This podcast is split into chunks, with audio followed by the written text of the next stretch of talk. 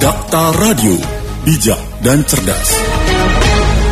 Ya rekan Dakta beberapa waktu ini sosial media cukup ramai khususnya di wilayah Bekasi ya uh, tentang begal yang dilakukan oleh anak-anak di bawah umur lalu juga tawuran yang dilakukan oleh anak-anak sekolah, baik itu dalam tingkat SMA atau juga SMP. Nah, sebetulnya apa yang terjadi dalam dunia anak-anak sekarang? Begitu beraninya mereka melakukan hal-hal yang di luar nalar mungkin bagi orang dewasa. Kita akan membahasnya dalam di siang hari ini bersama dengan dosen psikologi Unisma Bekasi ada Ibu Siti Nurhidayah SPS. Dakta Radio, bijak dan cerdas. Assalamualaikum Bu Siti Nurhidayah. Assalamualaikum Ibu. Waalaikumsalam warahmatullahi wabarakatuh Bu Sita. Iya, Bu Siti, fenomena apa sebetulnya yang terjadi pada anak-anak sehingga mereka dengan beraninya melakukan hal-hal yang di luar nalar orang dewasa mungkin? Ya, uh, pertama tentunya dari segi perkembangan pribadi anak-anak tersebut ya pasti saya yakin ini berasal dari keluarga yang uh, apa uh, istilahnya memiliki uh, ketidakharmonisan atau miskin dalam uh, internalisasi nilai-nilai moralitas begitu. Itu pertama berasal dari situ. Terus yang kemudian yang kedua anak ini kan berkembang pada saat ini lebih banyak hidupnya dapat pengasuhan dari uh, uh, internet ya, hmm. uh, dari digital gitu ya. Uh, jadi dapat informasi-informasi uh, dan informasi itu tidak bisa disaring oleh mereka dengan keterbatasan usia, pemahaman, tentang moralitas gitu ya sehingga ditelan bulat-bulat gitu. Kemudian yang ketiga tentunya kebutuhan-kebutuhan anak untuk apa seperti yang lain bisa bermain, bisa makan yang jajan yang enak gitu ya.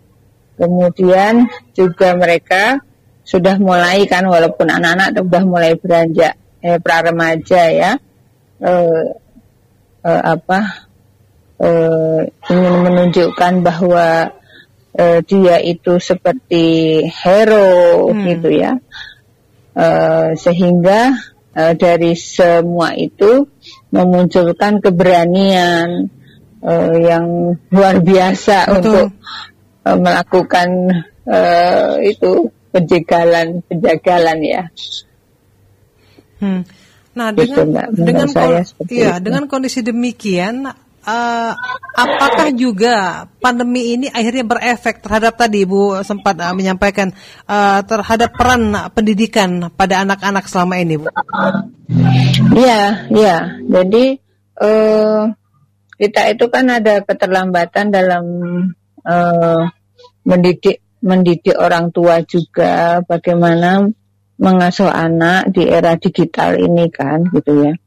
Jadi orang tua eh, apa beradaptasi dengan eh, teknologi itu lebih cepat dengan anak daripada anak hmm. sehingga keduluan anak gitu intinya. Yeah. Jadi tidak bisa menyaring apa yang eh, mengontrol apa yang dilakukan oleh anak di dunia maya. Uh, saya yakin mereka itu selain uh, apa bersama-sama ngobrol tentang tayangan-tayangan tentang uh, perampokan, penjegalan, nah gitu ya. Uh, dan itu bisa jadi tayangan itu mendapatkan respon yang banyak dari uh, apa yang melihat atau yang melihat itu banyak gitu ya Uh, seperti yang pernah terjadi kan Mbak misalnya uh, mengajak anak-anak anak SD yang mengajak temannya untuk tawuran, yeah. ternyata inspirasinya dari YouTube, hmm. nah, seperti itu.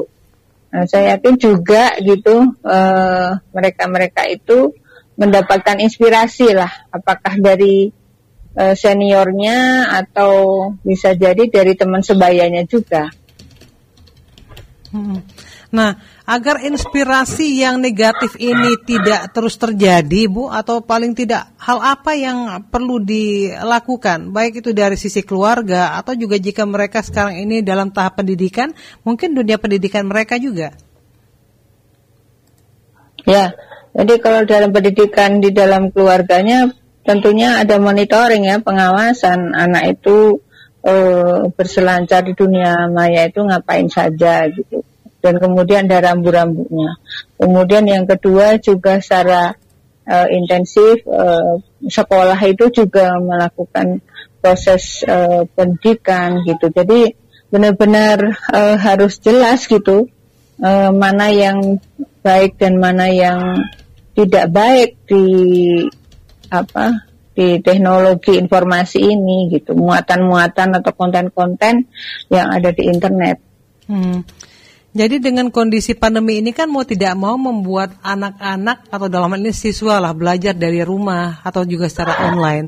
Apakah ini juga akhirnya membuat mereka uh, lepas kontrol dengan menggunakan internet yang lebih leluasa Bu seperti uh, sebelum mereka pandemi? Ya, jadi saya pernah survei itu Mbak terhadap 300 berapa gitu 300 sekian siswa ya. Yeah. Dan KPAI juga melakukan survei itu gitu. Jadi sebenarnya mereka itu per hari rata-rata menggunakan internet untuk belajar ya, mm -hmm. untuk belajar dan menggunakan tugas tuh paling banyak 4 jam. Oke. Okay. Jadi dua jam mungkin intensif sama guru gitu ya tapi kemudian selanjutnya itu paling kalau ada tugas gitu. Nah selebihnya itu mereka yang berjam-jam itu adalah kegiatan lain. Uh, salah satunya adalah uh, game online. Yang kedua menonton uh, video-video, konten-konten tertentu hmm. gitu. Dan kemudian yang ketiga medsos. Jadi medsos ini yang sekarang luar biasa ya Bu berpengaruh terhadap uh, pola yeah. pikir dan perkembangan anak-anak ya. Iya. Mm yeah. Betul dan kemudian juga informasi uh, sekarang kan berubah ya paradigmanya berubah. Jadi uh, untuk sukses nantinya itu sekarang anak-anak dan mendapatkan informasi untuk cepat sukses itu misalnya jadi selegram atau hmm. youtuber gitu ya Eh, dan mereka akhirnya mencoba-coba gitu ya entah itu konten-kontennya baik atau atau tidak gitu iya gitu. Kalau dan nanti bisa diceritakan ke orang hmm. temennya betul Nah, kalau kita melihat uh, tanggung jawab sosial masyarakat di sekitar sekarang ini uh, sejauh mana Ibu melihat? Karena mau hmm. tidak mau kan dengan kejadian seperti ini tentu meresahkan masyarakat sekitar, termasuk mungkin mereka yang sebagian berada di ring para pelaku-pelaku ini, Bu Siti. Ya, uh, jadi uh, ya baik Mbak. Ini agak terputus-putus ya. Saya terputus-putus enggak ya Mbak? Tidak. Kita clear mendengar itu. Oh, iya, iya. iya. Uh, Oke, okay. baik. Nah, uh, uh, di kita itu gini Pak, uh, sekarang itu sudah mulai nih, sudah mulai uh, sosok yang melakukan kegiatan negatif itu malah viral gitu kan. Uh, kemudian dengan viral nanti tayangkan di mana dia akan malah mendapatkan penghargaan dari uh, apa kan viral kemudian banyak yang melihat Betul. dan sebagainya itu kan artinya sebuah penghargaan sosial gitu ya hmm. selain income uh, cuan gitu kan hmm. gitu ya nah itu masalahnya kan tidak hanya kegiatan yang positif jadi ada uh, kegiatan atau kontennya negatif gitu nah kita itu ada tidak adanya nah, uh, cancel culture gitu ya. Hmm. Jadi uh, apa uh, meredam menghambat sebuah uh, budaya bisa jadi ya budaya yang yang sangat apa bertentangan dengan budaya Indonesia gitu. Hmm. Eh, seperti kalau di luar negeri itu misalnya ada uh, sosok yang uh, melanggar sedikit saja itu benar-benar di uh, di blacklist di mana-mana gitu ya sehingga diharapkan orang lain tidak akan melakukan gitu ya hmm.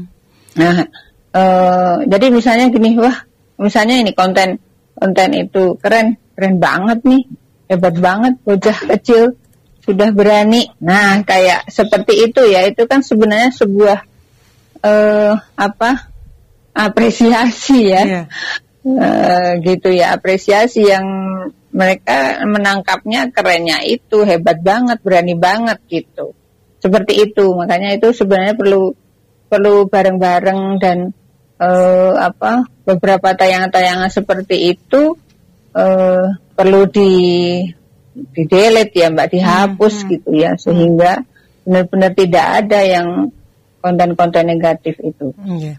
Bu Siti mungkin terakhir apa yang bisa dipesankan kepada semua pihak agar generasi-generasi uh, anak-anak ini ke depannya tidak menjadi generasi yang beringas atau uh, sadis uh, seperti yang kasus-kasus uh, beberapa hari terakhir ini Bu Siti? Ya, selain memang sistem pendidikan banyak hal yang perlu diperbaiki, uh, juga sistem ketahanan keluarga uh, yang uh, memang benar-benar nanti itu uh, membentuk uh, pembangunan ketahanan keluarga yang mampu ya mampu menghadapi uh, gempuran teknologi informasi itu uh, dan yang paling sederhana adalah melakukan kontrol uh, dan pengawasan uh, apa yang dilakukan oleh anak eh, baik itu di eh, dunia maya ataupun saat bersama dengan teman sebayanya. Iya, jadi ini poin penting termasuk juga para orang tua ya, Bu. Iya. Baik. Iya, iya. Ibu ya, jelas itu sebenarnya hmm, sangat ditujukan ke orang tua. Ke orang tua ya, apalagi di tengah kondisi pembelajaran yang masih belum uh, eh, 100% di sekolah masing-masing ya, Bu Siti. Jadi orang tua masih memegang ya, tanggung jawab ya. penting ini untuk kontrol di rumah ya, Bu. Iya, ya orang tua udah terlihat jenuh, Mbak. Betul. Udah terlihat jenuh sehingga abai. Hmm. Kayaknya mengarah ke abai. Hmm, baik. Ibu Siti, terima kasih sudah ya. berbincang bersama Dakta. Mudah-mudahan ini menjadi referensi kita bersama bagaimana sesungguhnya peran dari para orang tua atau uh, orang-orang uh, terdekat bisa menjadi apa ya hal yang penting untuk meminimalisir tingkat kejahatan seperti sekarang ini, Bu. Ya, terima sama-sama Mbak Siva. Terima kasih Bu. Assalamualaikum warahmatullahi wabarakatuh. Selalu.